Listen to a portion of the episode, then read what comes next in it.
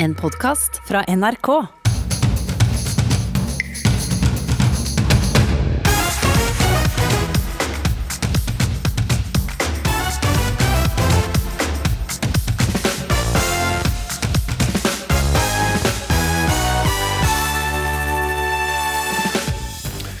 Tenk deg å få vite at din far dør om få dager, for da blir han skutt. Møt de to norske brødrene som fikk den alvorlige beskjeden fra et fengsel i eh, Somaliland. Pakkekalendere er blitt en tvangstrøye, sier Høyre-politiker. Sur moralisme, svarer politisk redaktør. I Sverige er naboer tatt på sengen av at en mann har holdt seg inne i nærmere 30 år. Da en tiåring døde av sult i Norge for seks år siden, ble nabo Melita Ringvold svar skyldig overfor sin sønn. Ja, men hva med dere andre voksne? Hvorfor, hvorfor har det ingen andre voksne som gjorde noe? Og det kjente jeg at jeg ikke klarte å svare på. Vi vil spre glede, ikke korona, sier julenisselauget. Ukeslutt får besøk av julenissen, som forteller hva de gjør for å unngå smitte av både nisser og barn. Velkommen til ukeslutt, altså, i NRK P1 og P2, med Vidar Sem i studio de neste to timene. Nyheten denne uken om at en mann skal ha levd et helt avsondret liv fra verden i en leilighet i Stockholm i 28 år, har sjokkert oss alle. Ifølge mannens søster er det moren som holdt ham fanget. Skikket var fruktansvært. Han hadde hemske, hemske sår på hele vadene, hele føttene. Det bare rann var så det ble pøler på gulvet. Og eh, han hadde ingen tenner kvar i munnen, foruten to tenner eh, i underkjeken lengst frem, og de var svarte. Slik etterforskningen eh, står, kan ikke politi og påtalemyndighet eh, føre bevis for at moren har brutt svensk lov ved å holde sønnen fysisk innesperret. Likevel spør folk seg nå om hvordan det kunne gå nesten tre tiår før noen oppdaget at sønnen levde isolert. Men det er ikke første gang naboer er totalt uvitende til det som skjer bak lukkede dører. Det begynte med at for seks år siden, på ca. den tida her, så eh, kom sønnen min hjem Eh, og spurte meg, og det er eh, fortsatt veldig vondt å snakke om det. Jeg kjenner jeg begynner å grine når jeg gjør det, egentlig. Eh, han sa mamma, det er en gutt i parallellklassen min som er dødd. Han kom ikke tilbake på skolen etter sommeren. Året er 2014, og det utenkelige har skjedd. En gutt på ti år dør av sult i Norge. Um, hvorfor dør barn? Og så forklarte at nei uh, hva som hadde, Prøvde å forklare hva som hadde skjedd. Melita Ringvold fikk tragedien tett innpå seg. Hvorpå sønnen min da spurte meg uh, ja, men hva med mammaen hans? Så hun var syk. Ja, men hva med dere andre voksne? Hvorfor, hvorfor var det ingen andre voksne som gjorde noe? Og det kjente jeg at jeg ikke klarte å svare på. Det var det heller ingen andre som kunne. Da gutten ble funnet, veide han halvparten av det et normalvektig barn skal veie. Da skolen begynte igjen etter ferien, fikk læreren beskjed om at gutten var syk. Noen uker etter ble han funnet død i leiligheten han delte med mora, i et folksomt nabolag på Mortensrud i Oslo. Jeg, jeg klandra jeg, Ja, jeg gikk jo i meg sjøl. Og hvis vi ikke gjør det, så kommer vi jo ikke videre. Saken sjokkerte Norge akkurat som nyheten fra Sverige. Her skal en 41 år gammel mann ha blitt holdt innesperra i 28 år. Nå spør svenskene seg hvordan dette kunne skje. Man blir sjokkert eh, over Heller ikke der ante naboene noe om det som skjedde rett ved. Man blir even helt stelt til liksom, at noe sånt kan pågå bare noen meter fra der man selv bor. Jeg, jeg tenkte jo faktisk litt på det samme som jeg tenkte den gangen på Mortensrud. Ja, men hvordan kan det skje? Det må da være noen, må da være noen som har sett noe, gjort, kunne gjort noe. Jeg tenker jo Og det er ofte sånn i skandinaviske land. Vi tenker jo fort på skolen. Helsesøster, lege. Men familien også, kanskje. Um, hvorfor har ikke noen grepet inn? Og det er jo det samme jeg tenkte den gangen på Mortensrud. Hæ? Hvorfor var det ingen som gjorde noe? Eller burde, noen, burde jeg ha gjort noe? Burde noen ha gjort noe? Etter dødsfallet var det viktig for Ringvold å slå ring om lokalsamfunnet. Kveld er innbyggerne på Mortensrud i Oslo samlet for eh, å gå i fakkeltog. Vi vil vise at vi bryr oss. Initiativtaker Ringvold på direktesendt TV. Men vi vil også vise hva vi kan gjøre. Jeg ville skape et engasjement hvor vi får alle til å tenke gjennom hva kan jeg gjøre i hverdagen for å skape et bedre samfunn. Naboer fant sammen og lagde møteplasser. Det handler jo nettopp om at vi er avhengige av hverandre, og vi lever i et fellesskap. Um, og jeg tror at det kommer til å bli viktigere og viktigere framover, fordi vi har muligheten til å har, Nå etter pandemien så ser vi at vi har faktisk mulighet til å leve hele livet innelukka i leiligheter. Hvis vi ikke gjør noe for å etablere fellesskap. Mora til gutten ble seinere erklært psykotisk i perioden han døde, og saken ble henlagt. Ringvold vil at vi skal bry oss mer. Vi som bor i Oslo øst, vi har mange voksne sett unger med dårlige klær og dårlige sko. Vi veit at det, er unger som ikke er med på aktiviteter. Og det er jo er, det, er, det er, ikke sånn vi er blinde. Vi veit det. Vi ser det. Um, og da vil du sånn Ja, og det, det er jo det er jo mange ganger vi alle forstår at noen kanskje sliter. Det, dette eksempelet på Mortensrud blir jo, gikk, jo veldig, gikk jo veldig langt. Eh, men vi veit jo Alle rundt oss kan jo se mennesker som sliter psykisk. Vi syns ikke det er noe behagelig å spørre. Vi syns ikke det alltid er behagelig å, å, bry oss. Skal du bry deg, så må du vise at det er ikke fordi at jeg veit bedre enn deg, eller fordi jeg er flinkere enn deg på det her, men jeg, jeg bryr meg faktisk om det.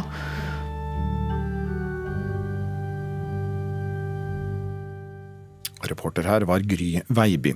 Og straks skal vi til Sverige for å høre hvordan saken om den isolerte 41-åringen står nå. Og vi skal snakke med en psykiater om hva det gjør med et menneske å være isolert over mange år. Denne uken kom altså nyheten fra Sverige om at en mann har levd isolert med sin mor i en leilighet i nesten 30 år. Moren til den nå 41 år gamle sønnen ble hentet av politiet, men to dager senere ble hun løslatt. Påtalemyndigheten kunne ikke føre bevis for at den 70 år gamle moren hadde brutt svensk lov ved å holde sønnen fysisk innesperret. Og Hampus Rundberg, du er Stockholmsredaktør i SVT. Hvordan ble denne saken tatt imot i begynnelsen av denne uken? Eh, når när nyheten kom så fikk det ekstremt stor oppmerksomhet både i Sverige og i, i hele verden. Får jeg säga. Som et eksempel kan jeg berette at eh, nyzeeländsk morgonradio ringde til vår redaksjon på tirsdagskvelden for å få reda på mer. Så at, eh, det spred seg veldig snabbt og fikk store proporsjoner. virkelig. Og det var altså søsteren til mannen som hadde kommet seg inn i leiligheten mens moren var på sykehus. Og søsterens versjon av saken eh, Dra oss gjennom den. Hva, hva er det hun sier? Ja, jag pratade tidigt med systern och fikk ju snabbt uppfattningen av att hun hade en historia hon gärna ville berätta.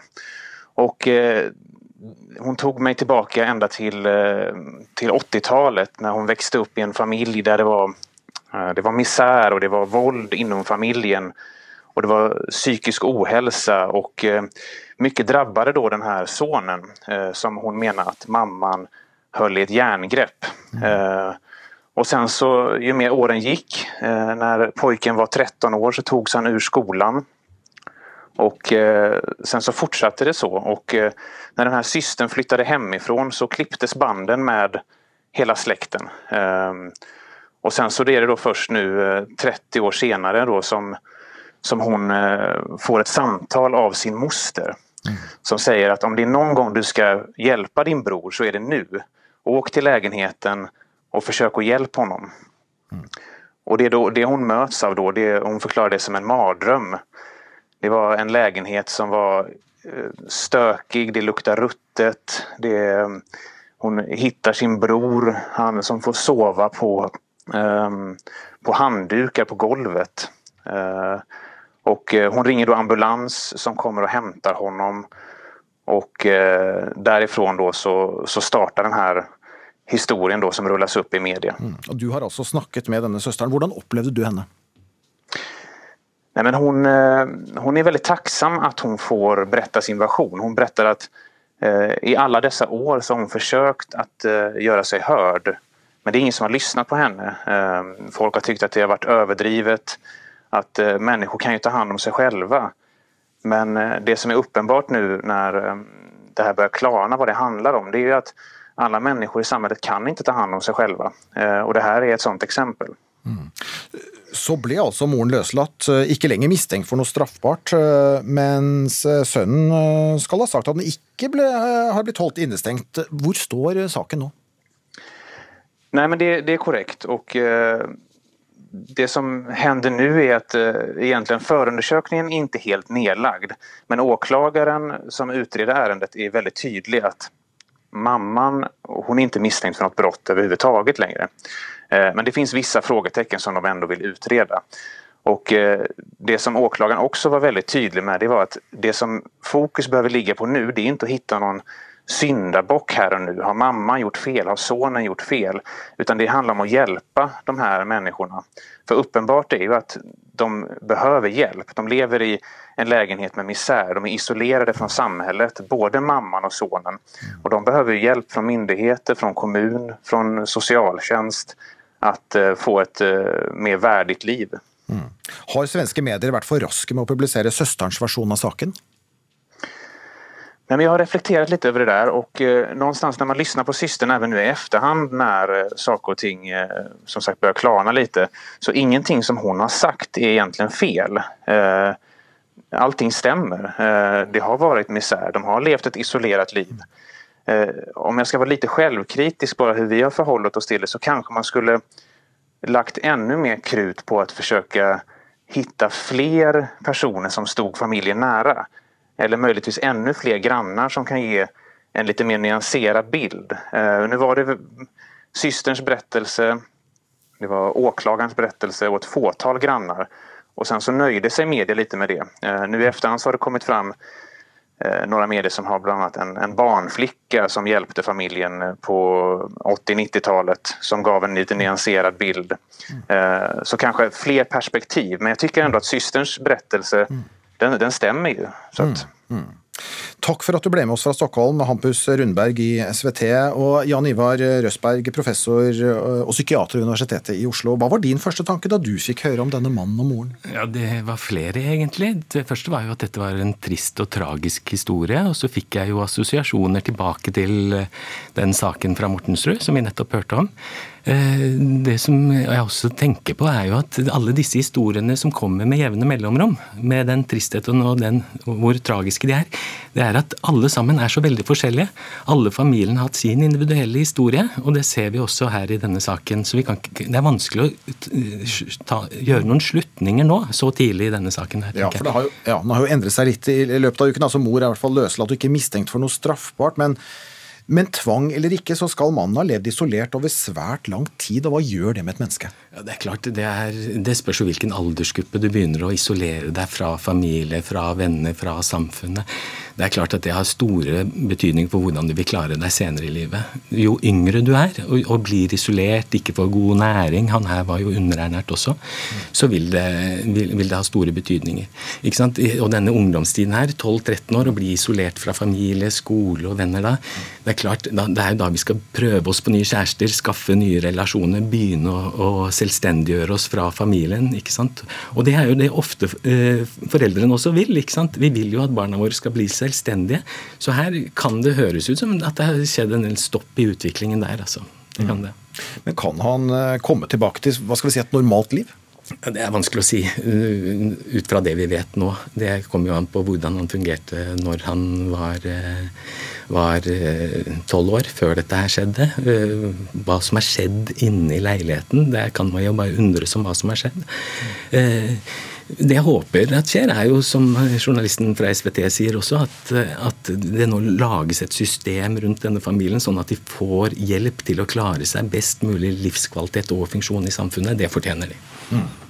Hvem har til syvende og sist ansvaret her? Jeg tenker det, det, som slår meg veldig, er jo at uh, dette er et system. Det er samfunnet rundt som er sviktet. Og er noe alle disse historiene har felles, så er det at uh, de ikke får den hjelpen de egentlig skulle ha hatt. Mm. Takk for at du var med i Ukeslutt, eh, professor og psykiater ved Universitetet i Oslo, Jan Ivar Røsberg. Denne uken kom regjeringens råd til hvordan vi skal feire jul. Men hva med julenissen? Er nissen nærkontakt?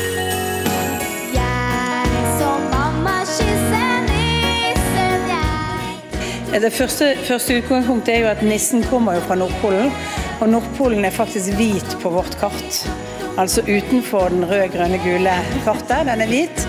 Vi har ikke rapportert noen smittetilfeller fra, fra det, så i utgangspunktet så antar vi at han får lov til å komme. Får man lov å klemme nissen også? Han bør ikke kysse mor. Det, det, det er for nær kontakt. Ja.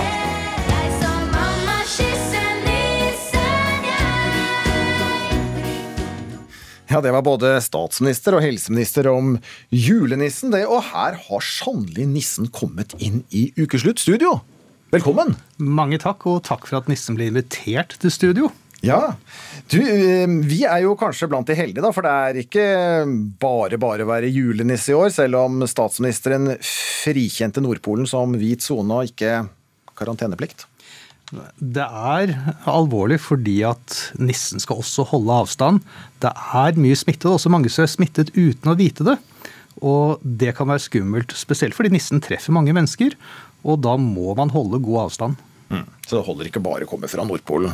Nei, altså, nå, statsministeren og helseministeren har jo misforstått lite grann, for de tror at Nordpolen er liksom helt over toppen av jordkloden.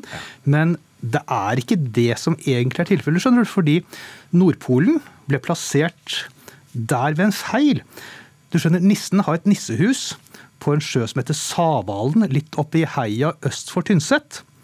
Og Der er det en poll, den nordre pollen. Og så var det noen som sendte et brev til USA og sa at nissen bor på Nordpollen. Og så ble det skrivefeil. Og så ble det Nordpolen.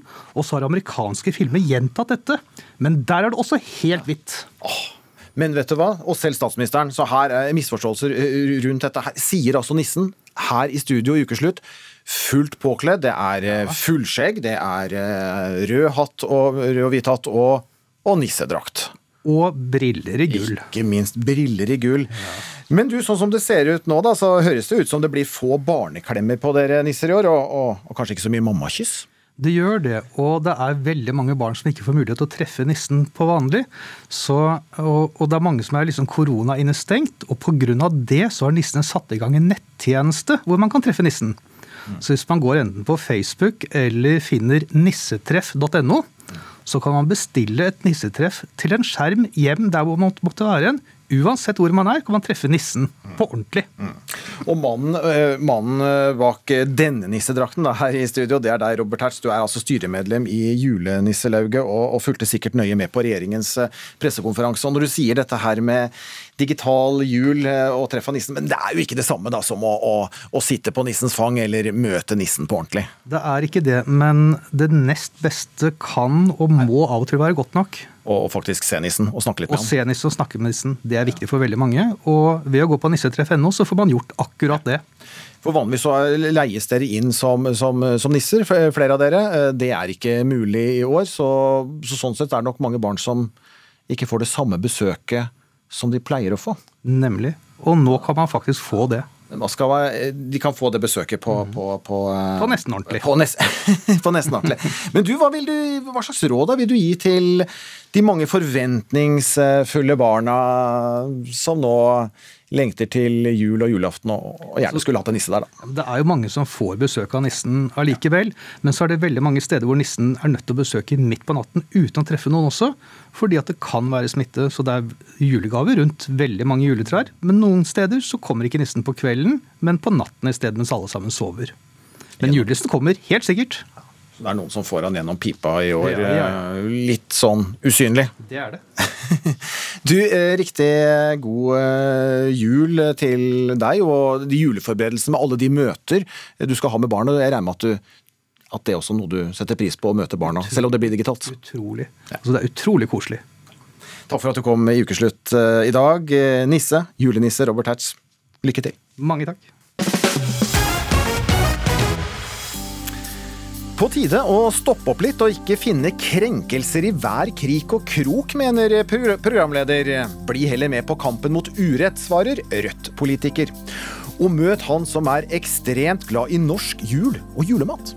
Jeg spiser pinnekjøtt klokken fem, jeg spiser pinnekjøtt klokken ni, jeg spiser litt klokken ett. Runder av rundt klokken syv om morgenen. jeg elsker pinnekjøtt. Norsk-somaliske Jamal Sheikh feirer jul og mener alle fortjener å ha det fint i desember. Litt senere i ukeslutt. Mustafa Haid, velkommen hit. Tusen hjertelig takk. Nå eh, skal vi skru tiden tilbake til midten av april i år. Du sitter på kontoret der du jobber og holder på med en rapport. Og så ringer telefonen. Hva er det du får vite?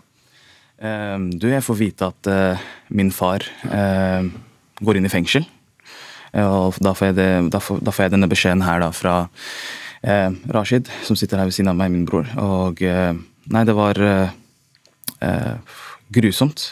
Jeg satt der og tenkte ok, shit, hva skal jeg gjøre nå? Beklager for ordbruk. Men ja, nei, altså følelsene mine var overalt, egentlig. Og ja, det er min far, ikke sant. Det er den Og det var som du sa, din bror som ringte. Rashid Yusuf, velkommen til deg også. Ja, takk. Ja, Hvordan var det å fortelle din bror at far sitter i fengsel i Somaliland? Det var veldig tungt å formidle det beskjeden der. Men jeg måtte jo gjøre det. Jeg hadde ikke valg. Og jeg måtte fortelle han. Liksom. Jeg prøvde å, liksom, det var nesten som å være film. Uvirkelig, liksom. Så jeg måtte si til ham at far ble arrestert og ble sikta for drap. Mm. Og dette er starten på et over sju måneders mareritt for dere. For deres far, Saad Jidre Haid, som er norsk statsborger, dro til den selverklærte republikken Somaliland på ferie i våres. Ifølge ham selv og dere så ble han der angrepet av en mann på gaten. Det oppsto et basketak, og deres far hadde en forsvarsspray i lommen som han sprayet den andre mannen i ansiktet med. Mannen gikk derfra, men døde senere, og deres far ble fengslet for dette. Og både dere og, og, far bestrider at denne sprayen, som ifølge dere er kjøpt i Norge, kan være dødsårsaken. Eh, der har dere ikke fått medhold, for han har sittet i fengsel siden april. Eh, Mustafa Haid, eh, hvis du bare sånn kort skal tegne et bilde av din far, hvordan vil du beskrive ham? Min far oh, Han er den som gir meg de varme klemmene. før jeg la meg, alltid ga det siste kysset på skinnet da jeg var liten. Og alltid har sagt liksom ja, stå opp, stå opp, ikke sant. Eh, og da både fysisk og psykisk. Eh, når jeg var liten, så faller jo man mye som en litt unge. Og eh, ja, i hverdagen som voksen så faller jo altså, berg-og-dal-bane. Dagene går opp og ned. Og ja, det er min far som har vært der for meg, da. Mm. Dere er eh, halvbrødre, har samme mor, Mustafa Haid. Eh, du er født og oppvokst i Norge, mens eh, du, Rashid Yusuf, du vokste delvis opp i Somaliland og har hatt tett kontakt dit gjennom disse månedene. Hvordan har tiden vært for deres far i fengsel der? Det har vært veldig tøft. Og var Han har det veldig tungt inni der. Det var så vidt Han får ikke medisinene sine, han fikk ikke medisinene sine, han fikk ikke Liksom elementære ting, da.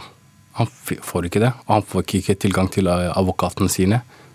Retten ble han dratt ut en dag, og uten å advokat, uten å ha med seg advokat eller noen ting. Så ja. Og så skjønner jeg også at dere har prøvd å få til et forlik med den avdødes familie, mm. men uten hell. Ja. De ville ikke forhandle seg. Vi prøvde å forhandle med dem for å få saken løst, men de var ikke interessert i. Og, og, moren til avdøde er eh, Ja, moren til avdøde er jo langt oppe i militærsystemet i det landet der. Mm. Og har ganske mektige venner. Mm. Ok. Opp til presidenten. Ja. Så kom også en eh, ny sjokkbeskjed for litt over to uker siden. Da var du hjemme, Mustafa Haid, og fikk eh, telefon fra den norske advokaten. Hva ble sagt? Du, det ble sagt at uh, min far skal nå henrettes nå på lørdag, og da var det en onsdag, hvis jeg ikke husker feil. Nei, Nei det var eh, Det var eh, igjen Jeg sa det veldig sjokkerende. Og jeg kjenner at jeg skjelver bare av tanken på det. Så jeg, nei, jeg satt med mine barn, og jeg følte at vet du hva, nå kan ikke jeg sitte og gråte foran mine barn, så jeg går inn på rommet eh, og sitter der og gråter helt alene. Og eh, min eldste sønn hører det. Og han eh, kommer inn på rommet og sier liksom 'hva er det som skjer, pappa?' Og da sier jeg bare liksom 'du, det, det er bare det er noe som har skjedd, og jeg kan ikke forklare det akkurat nå'. Prøvde å skjerme det litt fra mine egne barn. Eh, og da, noen par dager senere, velger jeg da å fortelle det til, eh, fortelle det til dem. Og eh, det kom jo som et sjokk at eh, bestefar skal henrettes. Og eh, ja. Og da sier liksom eh, Men pappa, kommer bestefar nå til juleferien? Kommer vi til å være sammen igjen? Tror du det? At han kommer, kommer til å klare seg til da? Og da sier jeg du, det er det jeg ikke har peiling på. Jeg har ikke peiling på det. og det er det advokatene jobber med. da. Det er å få dem tilbake, få han tilbake. Mm. Og for deg, Rashid, så endte denne beskjeden i sykehusinnleggelse? Ja. Jeg fikk uh, beskjeden mens jeg kjørte bilen, og så mot Karahaugen der, fra jobben. Og hadde barn i baksetet fra barnehagen. Og så får vi telefonen der. Nei, nå skal han henrettes, du må komme fort. Og være med begravelsen. Og det var, det var sjokkbeskjed, for å være helt ærlig. Det var, det var tungt å få det beskjedet der. Og da måtte vi bare hive oss telefonen. opp. ringte Elden og Farid Boras og de gutta der. Som er de norske eh, bistandsadvokatene ja, for din far? Ja. Eller advokatene, ja. For å, hvordan skulle vi løse dette her. Jeg, jeg, satt jo makt, jeg er jo maktløs når det gjør sånne ting. Jeg får ikke gjort noe. Og da ringte han UD og videre, da tok han noen telefoner og sånn. Og kvelden ringte han meg tilbake mens jeg var i sykehuset og sa liksom du, vi har klart å utsette det. Mm. Vi skal jobbe, prøve å utsette det, men vi har ikke noe garanti ennå. Du må vente litt. Men vi skal prøve å gjøre det beste vi kan. Det var en alvorlig tiltale overfor, altså overfor din, din, far, og at dette også skulle vært overlagt det, det, dette her basketaket eh, i april. Eh, men eh, hadde du det at det kom en sånn dom? Eh? Nei, vi forventa ikke i det hele tatt. Samtidig eh, så satte altså norske myndigheter i gang med å eh, forhindre henrettelsen. Eh, og det klarte man enn så lenge. Og etter det har jo både utenriksminister Ine Eriksen Søreide vært i kontakt med presidenten i den selverklærte republikken, og den norske ambassaden i Kenya var på besøk til deres far i fengselet. Vi skal straks snakke med UD om hvor saken står nå, men, men før det, ja, hvordan har dere klart å liksom, støttet hverandre i denne situasjonen her? Ja, um du, når, eh, nummer én, når den beskjeden kom om at eh, Ine Søreide og UD har steppet inn, så tenkte vi åh, vet du hva, det her, eh, det her er Nå ble jeg stolt. Eh, skikkelig stolt nordmann. Og jeg tenkte, vet du hva, nå, nå, gjør folket mitt noe for min far. Og det var eh, Ja. Og da Har dere noe håp om å få pappa hjem? Ja, håpet er jo der. Og vi håper at vi klarer det. Mm. Men det er jo ingenting som er garanti. Og hva skal du gjøre hvis eh, pappa kommer hjem, Mustafa? Du, da ser Se for meg en sånn liten filmscene. Eh, løpe til eh, Gardermoen. så bare slipper han ikke. Klem. Og ja, i flere timer. Eh, flere timers klem. Ja, kanskje Guinness-rekord. mm. Takk for at eh, dere kom hit til ukeslutt, Mustafa Haid og Rashid Yusuf, og delte deres historie, som foreløpig eh, ikke har eh, ja, eh, er, er avsluttet. Og Trude Måseide, du er kommunikasjonssjef i Utenriksdepartementet. Hva håper du kommer ut av denne saken? Først og fremst så er vi jo nå jobber vi aller mest med å få forhindret at det blir en fullbyrdelse av denne dødsstraffen. Det er vår første prioritet. Så ønsker vi også å få sikret at eh, den norske statsborgeren får eh, anke dommen, sånn at det kan komme inn i en eh, ordentlig og ordinær rettsprosess. Mm. Hva med å få han hjem til Norge? Altså det er sånn at Vi kan ikke vanligvis gripe inn i andre land sine rettsprosesser. akkurat sånn som andre land ikke kan gripe inn i Norge sine rettsprosesser. Men i situasjoner der vi ser at det er helt grov eh, enten forskjellsbehandling eller menneskerettighetsbrudd, sånn som i dette tilfellet, der det er en dødsdom, så engasjerer vi oss veldig aktivt. Mm. Og uten ordentlig rettergang. Ja, uten ordentlig rettergang. Så da engasjerer vi oss veldig aktivt. Så det er nå først og fremst er det det som er vårt mål, å få det til. Hva er den største utfordringen nå sett med deres øyne? Jeg tror det er at det er et krevende land eh, å jobbe med. Altså, dette er Somaliland, som eh, da er et krevende område å arbeide i. Så Derfor eh, så har vi jo eh, brukt alle de kanalene vi har tilgjengelig. Både de diplomatiske kanalene med våre diplomater som har eh, vært på plass i Somaliland, og utenriksministeren. Så vi presser på langs alle de kanalene der vi kan. Mm. Når ser du for deg at det kommer en, en videreutvikling i saken? Dessverre så tror jeg ikke det er enkelt for oss å si at akkurat hvordan denne saken kommer til å forløpe. Så jeg tror at vi må klare å rapportere underveis etter hvert som det skjer endringer, milepæler. Men eh, akkurat nå så kan jeg ikke si at saken kommer til å bli løst på en gitt måte eller innenfor en gitt tidsramme. Nei, Dere klarte, dere klarte å, å, forhindre eh, dødsdommen, eller i hvert fall ved hjelp av dere ble den forhindret? Vi fikk en eh, klar forsikring om at dødsdommen ikke ville bli fullbyrdet. Mm. Og det er du håp om at altså det ikke skjer noe nå det er vår første prioritet, å sikre at det ikke skjer. Takk for at du også kom til ukeslutt eh, i dag, Trude Måseide i UD.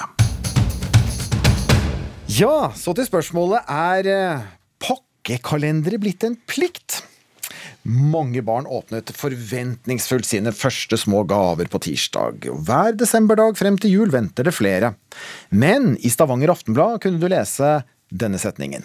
1.12. kommer ungene mine til å stå og stirre på en tom vegg. Og disse ordene er hentet fra deg, Margrethe Hagerup, stortingsrepresentant for Høyre fra Rogaland. Hva er det med disse pakkekalenderne som er så ille? Nei, altså Det er vel et eh, gradvis eh, hysteri, som jeg kaller det i bloggen min, der det har avansert veldig i løpet av de siste åra. Og jeg vurderte lenge om jeg skulle skrive noe om dette, for jeg gikk på flyplassen og gikk forbi kalendere til mor, og jeg gikk og så kalendere til far, og det begynte å skrive sånn på sosiale medier, så tenkte jeg nei, er det tiden for det nå når vi står midt i en koronapandemi, så tenkte jeg jeg skriver ikke noe. Men så hørte jeg eh, Aftenpodden med Kjetil Alstadheim, og der eh, snakket de egentlig ikke om vi skulle ha den eller ikke. Det var egentlig bare kun hvordan du kunne gjøre denne her jobben enklest mulig. Og da var det sånn hvis du hadde fire barn, istedenfor å pakke inn 96 gaver, da, så kunne du pakke alt i én gave hver dag. Vips, så hadde du kun 24 gaver. Mm. Og da var jeg litt sånn Har vi virkelig kommet der? Nei, nå må jeg skrive om dette her. Mm. Du har flere barn. Hvor langt strekker du deg da, og for dine barn i adventstiden? Jeg har fire barn, og de får eh, sjokoladekalender. og det var jo sånn at jeg, jeg blogga jo dette innlegget først, så sendte Aftenbladet meg melding tidlig på morgenen om de kunne få publisere det. Så når jeg skulle fortelle det til ungene mine, så var han gutten på ti var liksom sånn Pakkekalender, hva det er for noe? Men niåringen han hadde visst om det, for det var noen i klassen han som hadde det. Så det ble en morsom eh, diskusjon. Mm, og kanskje en litt misunnelig niåring. Eh, nei, nei, faktisk ikke. For, men, men, det har nok litt med hva en er vant med. fordi at da, jeg er vant med sjokoladekalender sjøl, mm. og jeg tror denne debatten handler mye om følelser. Hva en er mm. vant med, tradisjoner, og ingen skal komme og ta fra meg det jeg er vant med å ha, for det er mm. så koselig for meg og mine. Mm. Berit Aalborg, eh, politisk redaktør i Vårt Land. På Facebook denne uken kunne vi si at du, du hadde laget faktisk hele 96 små pakker fordelt på fire og hengt opp til forventning og glede for, for dine barn. Hvordan reagerer du på Margret Margrethe Hagerups innlegg her? Nei, jeg har lyst til å si flere ting om det. Ehm, jeg syns at like sikkert som at det kommer julepynt i butikkene, så kommer denne gjentagende øvelsen i moralisme over Eh, adventskalenderne som noen foreldre henger opp. Og jeg mener at jeg, jeg syns det er veldig rart at de som ikke lager sjøl, um, skal mene at eh, egentlig ingen andre bør gjøre det. Også, På en måte syns jeg det er litt rart at det kommer fra en høyrepolitiker, men det jeg har lyst til å si er at hvert enkelt foreldrepar eller hver enkelt forelder hvert år og gjennom hele året må sitte og forholde seg til hvilken ting skal jeg prioritere. Skal jeg ha dyre eventbursdager? Er det noen som har? Skal jeg ha merkeklær til ungene mine? Skal jeg ha fancy matpakker? Det er masse sånne ting. Jeg har ikke noe av dette. Mine unger kjøper mye av tøyet sitt på loppemarked, og, og vi har veldig enkle bursdager. Men jeg har prioritert dette fordi det betyr noe for meg. Og jeg syns det er en fin tradisjon. Og jeg har ikke noe dyre, fancy eh, ting, men jeg gjør det fordi at jeg koser meg med det. Er du en sur moralist, eh, Margrethe Hagerup? Nei, på ingen måte. Og selv om jeg er høyrepolitiker, så arver mine unger òg klær og sånne ting. Men eh, altså, jeg, jeg, mener at det har tatt litt av. og det er sånn, Veldig mange unnskylder seg jo med at ja, men de får ikke så mye. De får liksom litt tannbørster eller sokker eller ting de trenger. Og da tenker jeg altså, Som foreldre så har vi jo et ansvar for å sørge for at ungene våre får både mat og de tingene de trenger. Men jeg mener, skal vi pakke inn disse tingene hver dag fram mot julaften, én gave hver dag, og på julaften så skal de få 24 gaver til. Og jeg er jo litt bekymra for eh, oppdragelsen som eh, de nyere generasjonene kommer til å få, der de er vant med å få så mye gaver hele tida. Det syns jeg er verdt å dvele med. Og Det er jeg helt enig i, og jeg mener at det er mange og, og i forhold til, altså, Jeg vet ikke om det var du eller noen andre som tok opp dette med at noen har ikke det. Og det er jeg helt enig i. Men jeg tror ikke nødvendigvis at det er disse adventskalenderne som er verst i forhold til de som har lite. Jeg tror det er merkeklær, mange andre ting som er viktig. Og jeg tenker at eh, For meg er det også at jeg er så opptatt av adventen, som for så vidt er eh, starten på kirkeåret. Og det er en religiøs tradisjon for meg som jeg setter veldig høyt. Så for meg handler om det perspektivet. Og så har jeg også da mye mindre gaver på julaften. Så jeg tenker at her må enhver forelder på en måte justere hva man ønsker å prioritere. Og det er det jeg på en måte tenker at denne, hva som kan være viktig for noen. Noen har sjokoladekalendere, noen har ingenting, noen gjør noe annet. Det må man på en måte ut fra sin egen tradisjon, sitt religiøse ståsted, mange sånne ting, må man rett og slett velge hva som passer for seg. Og jeg, eh, Nå begynner jeg å få ganske store barn, så jeg kommer nok til å slutte med det etter hvert. Men jeg syns det er en fin tradisjon. Ja, for det var spørsmålet mitt til deg. Hvor gamle er barna dine? Nei, altså Barna er fra 16 opp, så det er klart at nå i år gjorde jeg det særlig fordi det var korona. Men jeg har gjort det når de var små. Ja, for jeg har jo kollegaer som sender pakkekalendere til ungene sine som er godt opp i 30, og da snakker vi om ikke voksne barn, vi snakker om voksne sønner og døtre som skal bringe denne her tradisjonen videre. Og Mitt poeng er jo litt det der med at kan vi ikke kose oss i sammen? Trenger vi, trenger vi en kalender i luke med enten pakker oppi eller opplevelser? Kan vi ikke heller bare være i sammen? for koronapandemien gjør ikke at vi trenger mer ting, han trenger jo egentlig at vi må møte folk og være sammen. Og Det er jeg helt enig i, men, men det dreier seg jo ikke om at man må ha en pakke for hver dag. Det dreier seg om at man lager en tradisjon som man syns er hyggelig til en høytid.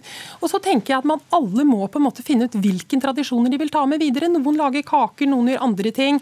Altså Det er noe med noen tradisjoner man har lyst til å bringe videre, og det er jo alle foreldre sitter jo og på en måte prioriterer. Hva er det jeg har lyst til å gjøre for mine unger? Hvilke tradisjoner vil jeg ta med. Og, og, og, jeg tenker på en måte at Det er et valg alle må gjøre. Du gjør kanskje andre ting med dine barn eh, som er hyggelig. Så, så det, er ikke, det, er jo ikke, det at det er pakken, det er jo det at de har pakka din. De får jo disse trusene og deodorantene og eh, disse tingene uansett. Ja, for Nå har jo du ganske store barn, men, men, det kan jo være hvis det baller på seg Berit Aalborg, at det blir litt misunnelse. Selv om ikke Margrets eh, barn eh, følte misunnelse, eh, så kan man jo sammenligne litt. Og hvis det blir veldig dyre gaver hver eneste dag i desember. Det, Hva er julaften da, da? Ja, nei, Det, det syns jeg også er rart. Mine barn får ikke akkurat iPad i, i, i, i, gave. Det er jo småting. Det er ting de kanskje ellers ville fått. Som jeg da, altså, Forskjellen er jo at jeg pakker det inn og henger det opp. Det er jo det som er noe. Det er jo ikke det at de får disse trusene og sokkene og deodorantene, egentlig. Mens du da, Margrethe Hagerup, som er litt, eh, litt strikt og ja, ikke pakker så mye gaver i adventstiden. Eh, bugner det på julaften hjemme hos dere da? Nei, de gjør ikke det heller. altså. Jeg, altså, jeg må si Når ungene har vært helt små opp til tre-fire år, så har de ikke fått gave på julaften, for de har fått av andre. Mm. Og det er jo noe med at uh, dette her er en tradisjon som egentlig bare har balla på seg her hjemme òg. Og så må du, være, du må kunne dvele med det av og til. og det, jo, det, oppleves jo for mange foreldre som ei tvangstrøye.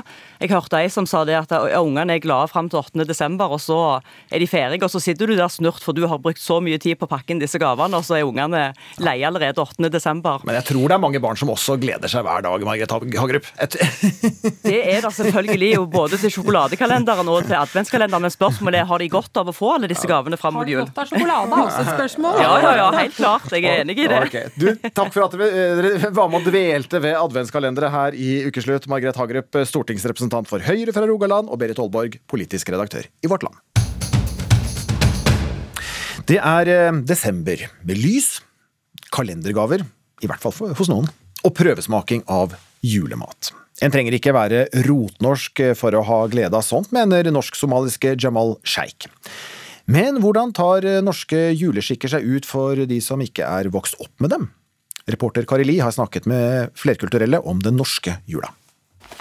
Hei, det hører du? Det her er liksom bare shit jeg kan bare gå og tenke haha, hva skal jeg få her? 28 år gamle Jamal Sheikh klemmer på gavene som er festa til en hvit tekstiljulekalender på veggen.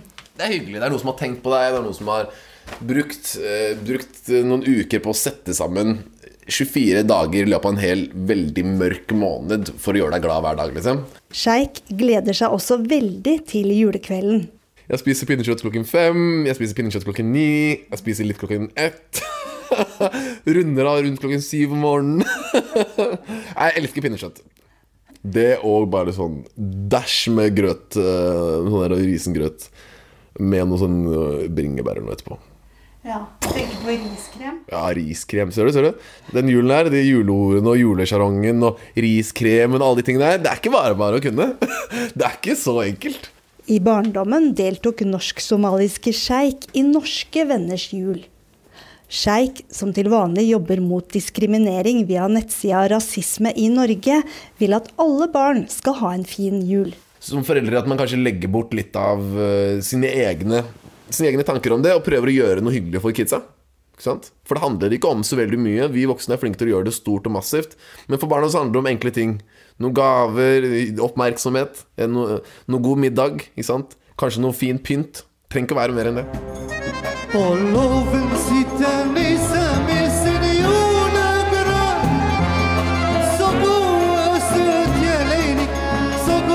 og søt Jeg har en stygg julegenser med uh, Trump. Med 3D-hår til Trump. Så har jeg en annen med Joe Exotic, Tiger King. Det har ikke vært den letteste førjulstida for salg av stygge julegensere, men norsk-pakistanske Kuram Ali elsker jula likevel. Vi har julestjerner på alle soveromsvinduene, på kjøkkenet, vi har i stua. Og kona mi hun er enda mer glad i å feire jul enn det jeg er. Og hun, hun har ikke den samme traumatiske opplevelsen som jeg hadde med jul. Alis traume var at han ville feire jul som alle andre, men ikke fikk delta. Eh, Jeg trodde jo på julenissen, som alle andre barn. Og det var faktisk en kjøpmann utkledd som nisse som gikk fra dør til dør da Ali vokste opp på Majorstua i Oslo. Og jeg satt i vinduet hvert år og så ventet jeg og håpet på at han skulle ringe hos oss også. Men det gjorde han aldri, fordi vi feiret ikke jul. Og så mistenkte jeg at han skjønte at jeg ikke var norsk. TV ble redningen for lille Ali. Timmy Gresshoppe, han reddet jula. Fordi han sang alltid 'From all of us to all of you'. Og når han sa 'all of you', så følte jeg meg inkludert. Of us all of you, a very Merry Christmas. For on this bright and joyful night, we're glad to have you with us. Men det er ikke all julekos på norsk TV som er like lett å forstå. Askepott, naturligvis. Også kongen som kan komme hvert øyeblikk. Skynd dere! Jeg, jeg synes først jeg, hørte- jeg så på den, så trodde jeg det var en feil med TV. At de hadde sendt feil film med den ene mannen som dubber alt.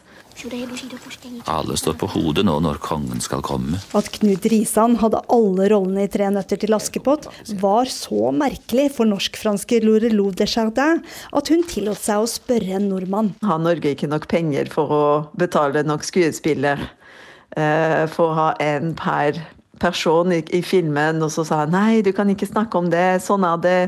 Vi elsker det på den måten. og Desjardins er også overraska over julemattradisjonene i Norge. Jeg er fra en ribbefamilie, nei, jeg er fra en pinnekjøttfamilie, nei, jeg har aldri spist eh, ribbe på julaften og sånn, så mange regler nordmenn har. I Frankrike er det vanlig å spise luksusmat på julaften.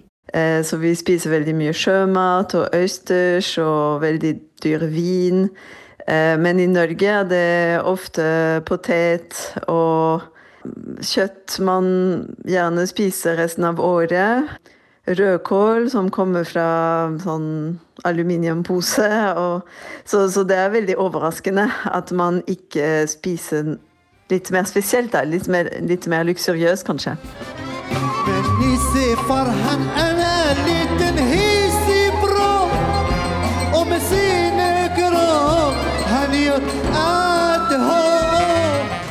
Er dette det treet som du er helt sikker på at du vil ha med deg hjem? Ja.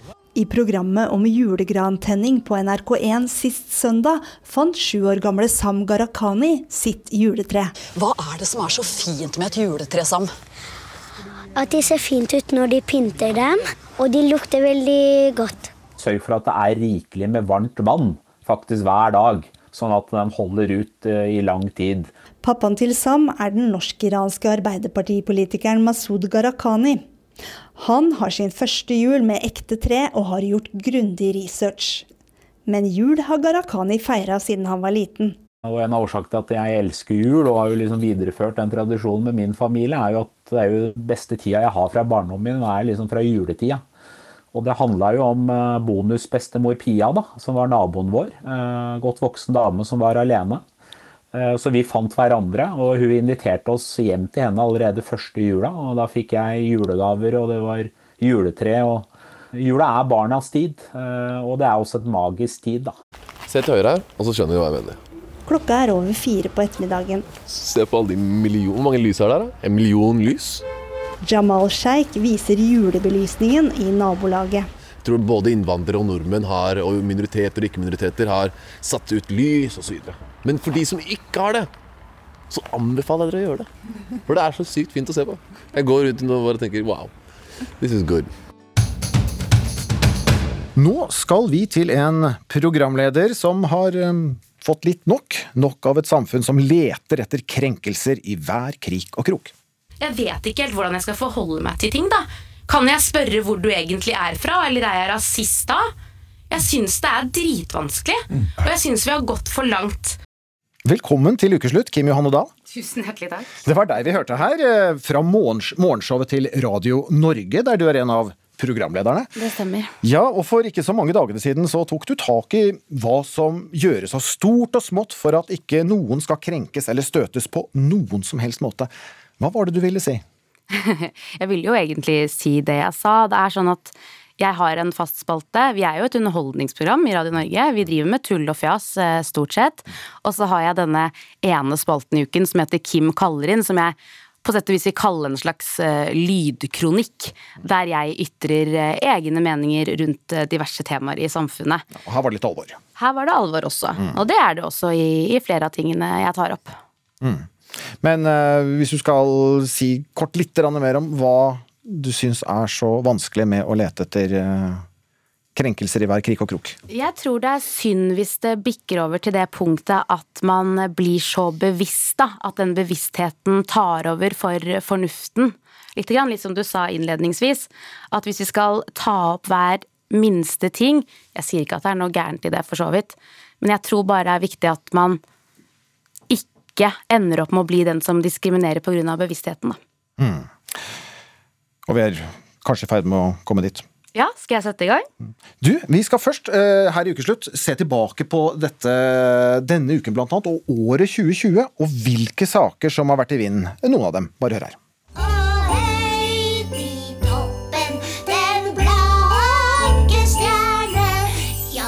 Det var ikke sangprestasjonene som fikk folk til å reagere da Fantorangen sang Du grønne glitrende tre på NRK på søndag.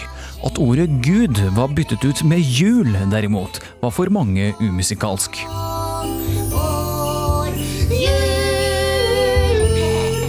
Mye tyder på at 2020 var året hvor trakassering og krenking ble satt på dagsorden for alvor. Statuer har stått for fall. Nå vil flere ha dem fjernet, og demonstrantene mener de symboliserer rasisme. Diplomis har byttet logo. Du har kanskje fått med deg det at Diplomis har bestemt seg for å endre logoen sin eh, nå? Joikabollene har blitt kritisert. Harry Potter-forfatteren har blitt debattert. Og juleklassikeren Fairytale of New York har fått en oppdatert versjon uten stygge ord som Og apropos jul, serien 'Nissene over skog og hei' på TV Norge måtte denne uken forlate arkivene fordi Espen Eckbos karakter Ernst Øyvind hadde en mørkere hudfarge enn det komikerens strandliv skulle tilsi. Opprinnelig så kommer jeg litt lenger sørifra. Jeg er født og oppvokst i Lillesand. Ja, det var Philip Johannesborg det som hadde laget denne lille reportasjen over eh, året der rasisme virkelig ble satt på dagsorden etter politidrap i USA. Og Seher Aydar, vararepresentant for Rødt på Stortinget. Ja, Du har også vært litt mettet, eller skal vi si sliten denne høsten. Hvorfor? Jeg har vært sliten fordi at eh, vi har blitt nødt til å si fra om at det er nok rasisme i samfunnet nå.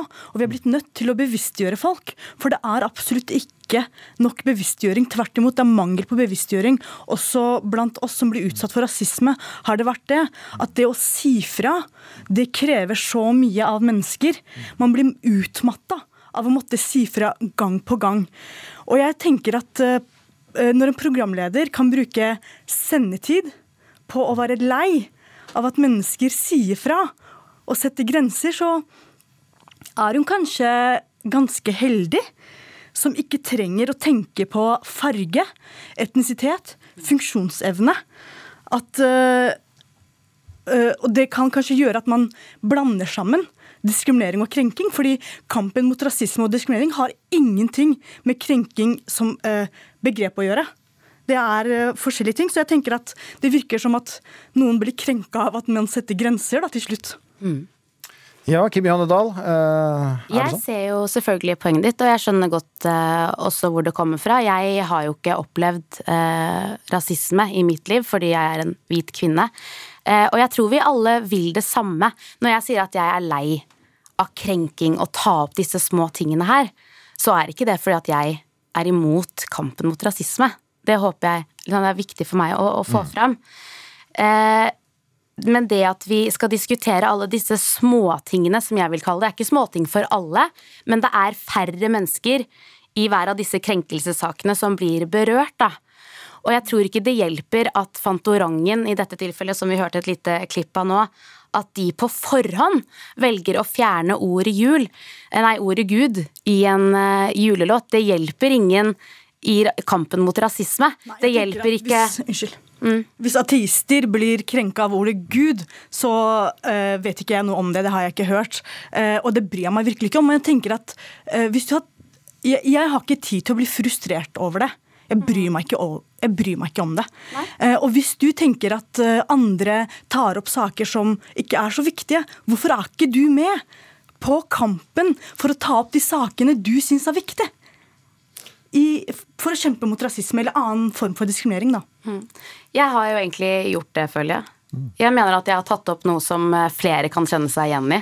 Det at det kan bikke over og bli litt for mye av det gode. At det som egentlig skal være kampen mot rasisme, ender opp med å egentlig bli det motsatte. Grunnen, og det som egentlig fikk mitt beger til å renne over totalt her Jeg satt hjemme, så på 71 grader nord. Det var med en deltaker som var så bevisst på identitet at han oppførte seg diskriminerende. Eh, det var en eh, jente som var med i dette programmet her. Hun ble ganske sliten og lei, eh, ba om å bli sendt hjem. Og så ender det da med at denne fyren her, en annen lagkamerat, velger å sende henne i kamp. Og blir da beskyldt for å være rasist. For det, det han så, det var en minoritetskvinne. Jeg forstår at ikke du har sett det. Men det, men det, her handler om at hvis man skal bli så bevisst på identitet og være så innmari redd for å tråkke folk på tærne hele tiden, så har det gått i feil retning. Og på mange måter så vet jeg også, Seher, at du er enig med meg. For det er ikke så lenge siden du var ute i VG og skrev nettopp det samme. At vi må nei, slutte å snakke Dette må jeg, nei, jeg må si hva jeg skrev selv. Ja. Jeg må si hva jeg skrev selv. Det jeg sa, er at jeg forstår at det er behov for å diskutere kolonis kol kolonihistorie både i Norge og i verden. Men jeg syns det fins andre viktigere kamper eh, som jeg har lyst til å snakke om, som folks mulighet til å få jobb og bolig. Eh, men dette gjorde ikke jeg ved å nekte andre, eller med å mene at de andre eh, gjør det på feil måte. Jeg prøvde å fremheve de sakene jeg syns var viktige, og det er det jeg inviterer deg til å bli med på. Fordi jeg beklager at du er lei, eh, men det er så mye verre å måtte høre eh, ting som er diskriminerende eller rasistisk eller eh, i det hele tatt ubehagelig, mm. enn å kanskje ta hensyn, da. Jeg bare tror det er viktig å huske på at det vi diskuterer her, er ikke diskriminering og rasisme. Det er jeg også imot, og det er ikke alltid det dette her handler om. Det, la, la oss, eh, altså det, det, eksempelet du hadde her, Nå har vi ikke den deltakeren med som kan, kan eh, imøtegå den påstanden ikke sant, om, om, om diskriminering eh, eller ei. Du har, du, har et, du har, flere eksempler du tok opp i morgenshowet ditt på Radio, i Radio Norge, Kim Johanne Dahl. Eksempel, et eksempel du tok, da, det er jo en advarsel. Du så da du skulle se Lady og landstrykeren med din datter, som du irriterte deg veldig over. Ja, ja, jeg irriterte meg egentlig ikke over den. Jeg ble overrasket og sjokkert. Fordi det? det var en advarsel som sto at i denne filmen så kan det være støtende innhold, så, innhold som fremmer eh, Ja, hva var det det var egentlig? Som fremmer fordommer mot asiatiske personer. Grunnen til det var fordi at det er noen siamesiske katter med i denne filmen, som for meg blir sånn Men jeg vil jo aldri ha klart å tenke på disse siamesiske kattene som asiatere. Forstår du at hun reagerer på det, Seher Aydar? Ja, men jeg tenker at uh, Er ikke det bra, da? Du ville ikke tenkt det, men uh, uh, andre tenker det, og så blir du gjort oppmerksom på det, så kan du reflektere over det. Og så ender du opp med å, å tenke det du tenker uansett. Men jeg tror grunnen til at kanskje mange reagerer, og tenker at nå blir det for mye, så tror jeg at det sitter nok kanskje litt langt inne for folk å innrømme at det finnes rasisme, og at de kanskje ikke har lagt merke til det, og at det gjør noe med forestillingen deres om hvordan verden er. Eh, og da blir det uh, ubehagelig. Og da er spørsmålet, når det først blir sånn ubehagelig, at du blir påminnet dette ved at uh, ting endrer seg, ting forbedrer seg, noen ganger er du kanskje enig i at det er viktig at det gjør det, andre ganger tenker du sånn Var det noe vits? Men det skjer. Fordi at noen setter ned foten. Spørsmålet er hva gjør du da? Kan du puste med magen og tenke OK, det er noen som eh, ønsker den endringen, ønsker at jeg er bevisst på det. Skal jeg la meg irriteres av det, eller skal jeg bidra i kampen mot diskriminering og urett som jeg ikke har lagt merke til, fordi at jeg har vært privilegert til, nok til å ikke bli utsatt for det? Ja, jeg hører at du sier det. Jeg bare tror altså Det som er min frykt, er at ved å sette for stort fokus på disse enkeltsakene, som i utgangspunktet ikke støter så innmari mange mennesker, så tror jeg det er med på å skape en usikkerhet blant folk. Jeg tror det er også med i verste fall på å skape større avstand. Fordi jeg tror at det det ender opp med, sum av summarum, at folk blir usikre. Jeg blir nå usikker på hvordan jeg skal oppføre meg blant mennesker for ikke å støte de.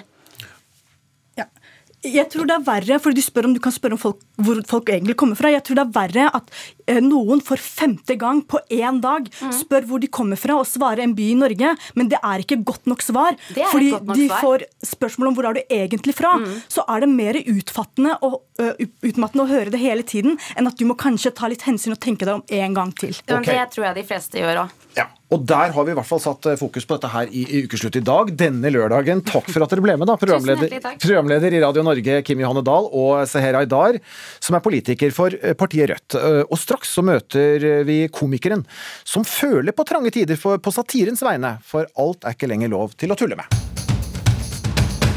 Det er ikke bare i samfunnet at tabuer blir flere, også satirikerne sliter med å bli tatt på alvor. Velkommen til deg, komiker i bl.a. NRKs Satiriks, og forfatter, ja, og forfatter av boken Hva er humor?, altså Markus Gaupås Johansen.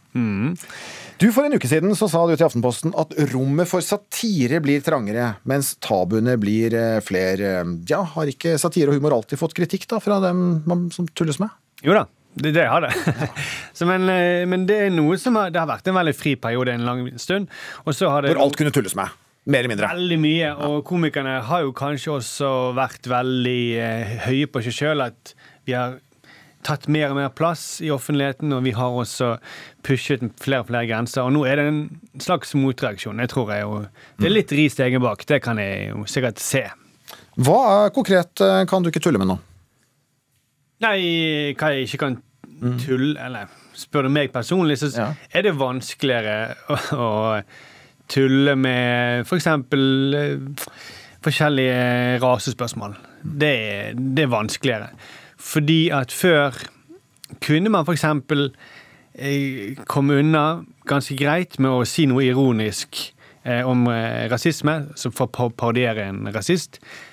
Det er ikke i dag like lett, fordi de ordene som man skal bruke hvis man skal parodiere en rasist, de er per definisjon ikke lov, da. Så ironi er ikke lenger en formidlende omstendighet. Det, det er nytt. Og Denne uken kom jo nyheten om at TV Norge har fjernet førjulsserien 'Nissen over skog og hei' fra Dplay fordi eh, komiker Espen Eckbos karakter var malt mørk i huden. Og Dette er jo en serie fra flere år tilbake, og avgjørelsen om å fjerne serien fra arkivet har så ført til diskusjoner om dette er riktig. Er det her noe vi vil, du tror vi vil se fremover?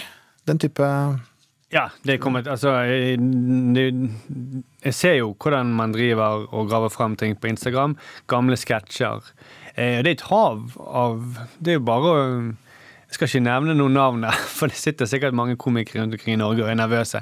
For det, det har vært laget masse sånt. Så det, det, det kommer de til å finne masse mer av hvis de leter.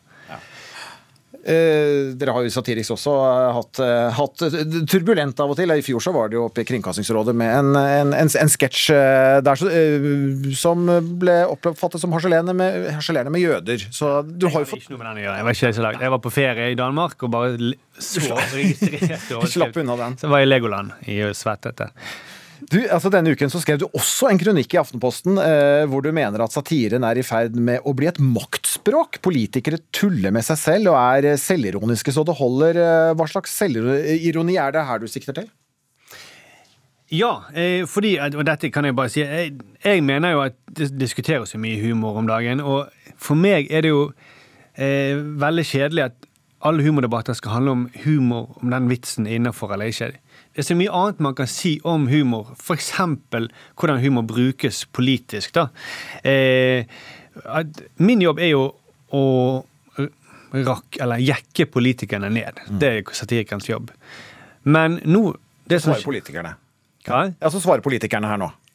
Om de svarer? Ja. Nei, de, de, de kan ikke de kan, Ja, de, de, de, gjør, de jekker seg sjøl ned. Nettopp. Ja. eh, så da blir på en måte min jobb overflødig. Hva, hva skal jeg gjøre hvis de, Oleg Bollestad allerede har gjort seg sjøl så latterlig som hun gjør på Instagram? Hva, hva, hva står igjen for meg å gjøre? Ja. Og det eh, har jeg oppdaget at det er, en, det er en side ved humor som Latter har nok sannsynligvis sånn biologisk sett har noen opphav fra sånn røff herjelek blant primater, hvor de har sånn den lyden de har sånn med åpen munn, sånn eh, hveselyd. Og det er et signal om at eh, her, dette er bare for gøy. Situasjonen er trygg.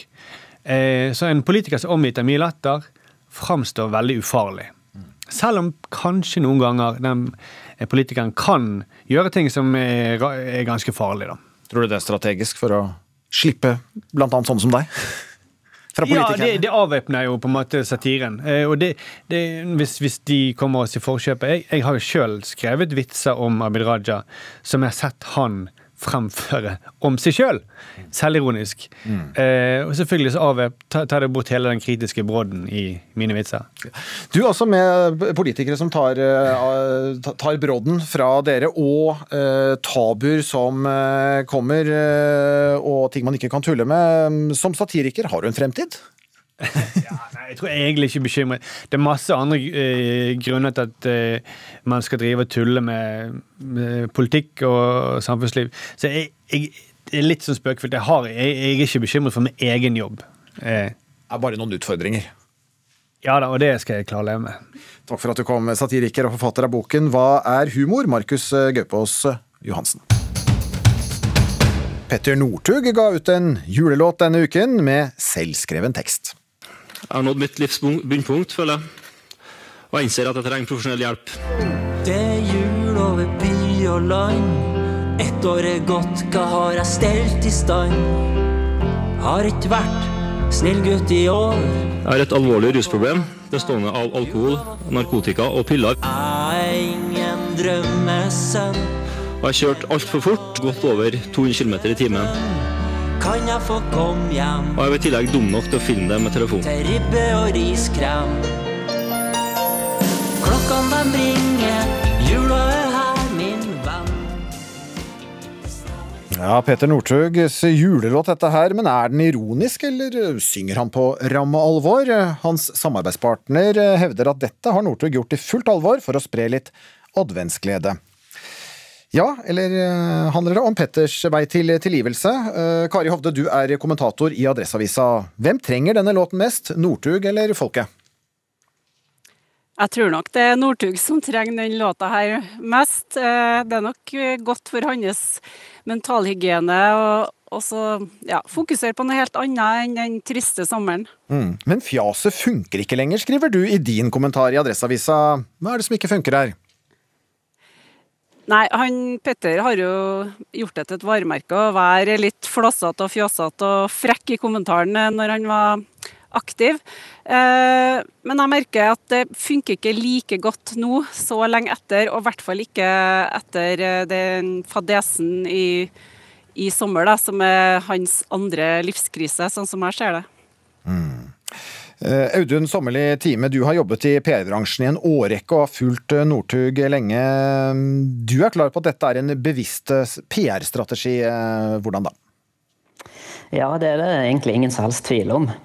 Det som jeg tror er litt viktig for folk å huske, det er jo det at veldig mange av disse her såkalte kjendisene, det de egentlig lever av, er jo gjerne kommersielle oppdrag eller f.eks. salg av egne merkevarer. Da. Og det aller verste for dem, det er jo da å bli glemt. Så det jeg tror er nok det at Petter Northug han bruker nok mye av det som han er kjent for, bl.a. Eh, sans for humor. Eh, og prøver jo nå å egentlig komme litt videre etter denne skandalen, da, med å prøve å få det inn på en litt morsom måte. Mm. Men glemt blir han vel ikke? Jeg tror, nok, eh, jeg tror, nok, eh, Det er nok noen som reagerer negativt på det, men samtidig så er det jo andre som syns at dette er litt morsomt. og Bare det faktum at det er over én million som har lastet ned og hørt denne her sangen her på Spotify, eh, viser jo det at eh, det kan fort bli en god del briller han selger hvis f.eks. bare 10% av de eh, får lyst til å kanskje kjøpe hans produkter. Mm. I teksten som han har skrevet selv, så skriver han i livet jeg snubler, men reiser meg opp igjen. Eller har ikke vært snill gutt i år, tviler på at det er julegava får. Eh, ja, er det smart å bruke råkjøring og narkotikabruk i en julesang? Jeg tror nok eh, han spiller en veldig sånn Han trekker strikken veldig veldig langt. Eh, og Det er en ganske risikabel PR-strategi, for det, er fort at han kan, kan virke mot sin hensikt. Eh, men samtidig så er det jo litt det der med at han er jo kjent for å være en opprører. Sant? Så strekker strikken ganske langt og så gjerne gjør ting og slipper unna med noe som kanskje andre ikke slipper unna med. Eh, men måten han gjør det på i denne sangen, det er jo litt mer at han prøver å vise at han skal få tilgivelse. Han snakker om å komme hjem til jul og snakke med foreldrene sine og føle at nå, nå kommer han videre. Eh, det er klart at Hadde han f.eks. lagd en sang der han hadde sittet i en bil og kjørt fort, for eksempel, så tror jeg jo det hadde virket virkelig mot sin hensikt. Kari Hovde, ja, du heier på Petter Northug eh, og skulle vel gjerne hatt han ordentlig opp å stå. På hvilken måte tenker du at Northug kunne komme tilbake på en, på en bra måte? Nei, jeg hadde nok uh, ville prøvd å komme tilbake kanskje i form av uh, deltakelse i et langløp, f.eks. Jeg nevnte jo i kommentaren min uh, Marcialonga og Vasaloppet. Jeg vet ikke hvordan det blir i år med den pandemien over oss. Da er ikke sikkert deltakelse der er så enkelt for han. Det er kanskje Men, lettere med en julelåt, da? Det er lettere med en julelåt, og låta i seg sjøl og videoen er jo søt og uskyldig nok. Men uh, jeg, jeg, tror jeg ville ha venta litt. Uh, for jeg tror det er grenser for hva han kan bli tilgitt, og hva han kan kødde med, egentlig. Også for han er det noen grenser. Mm. Du eh, sammenligner det Northugs sang med om Therese Johaug skulle laget en låt. Hvordan ville den ha hørt ut sånn tekstmessig? Nei, jeg dikta jo litt. Det var litt fri, dikt, fri diktning fra min side i min kommentar. Og jeg bare ser for meg hvor katastrofalt det hadde vært hvis en kvinnelig eh, toppidrettsutøver, f.eks. Eh, Therese Johaug, også etter hun hadde gått av som eh, fra toppen, så hadde det vært veldig rart om hun kom ut med en sånn låt. Og det jeg skrev i min kommentar, var sånn eh, jeg, La oss si en sommerhytte. Jeg ser ingen sol etter klosterbol. Eh, nå går det bare i sider etter bruk av anabole steroider, tror jeg skrev. Jeg har ikke teksten foran meg, men Jeg tror det stemmer. jeg, snu, jeg ville bare snu litt på det og vise at, uh, at uh, det her er ikke for alle, og kanskje heller ikke for Petter Northug i det lange løp. Mm. Hvordan tror du effekten blir på lang sikt, da, Audun Sommerli Time, altså omdømmeekspert? Nei, jeg tror nok eh, Petter Northug han eh, fortsetter å holde sin merkevare varm. Det er jo klart det at det har jo en stor kommersiell verdi med tanke på hvor mye kommersielle prosjekter han har. Eh, men det er klart at hvis ambisjonen hans på lengre sikt f.eks. hadde vært å komme til Norges Skiforbund og bli landslagstrener i langrenn, da tror jeg han heller ville fått litt mer problemer. Så, så, lenge han kun fokuserer på å selge varer og nå ut til det segmentet av befolkningen som faktisk fremdeles syns han er kul, da tror jeg han kan lykkes bra. Men jeg tror ikke du kommer til å se han som, eh, som landslagstrener i langrenn med det første. Takk skal dere ha, kommentator Kari Hovde og PR-ekspert eh, Audun Sommerli Time. Petter Northug han eh, takket nei til å stille her, men sier at for meg har musikken vært et positivt innslag i livet mitt i høst, ved siden av mye trening og hjelp fra gode støttespillere. Musikken har gjort meg i bedre humør, og det er jeg glad for. Kommentatorer og eksperter får selvfølgelig lov å ha andre synspunkter om meg enn det jeg føler selv. Ansvarlig for ukeslutt denne lørdagen har vært Filip Johannesborg. Det tekniske ansvaret har Ida Laral Brenna. Jeg heter Vidar Sem og ønsker til alle en fortsatt riktig god helg. Du har hørt en podkast fra NRK. Hør flere podkaster og din NRK-kanal i appen NRK Radio.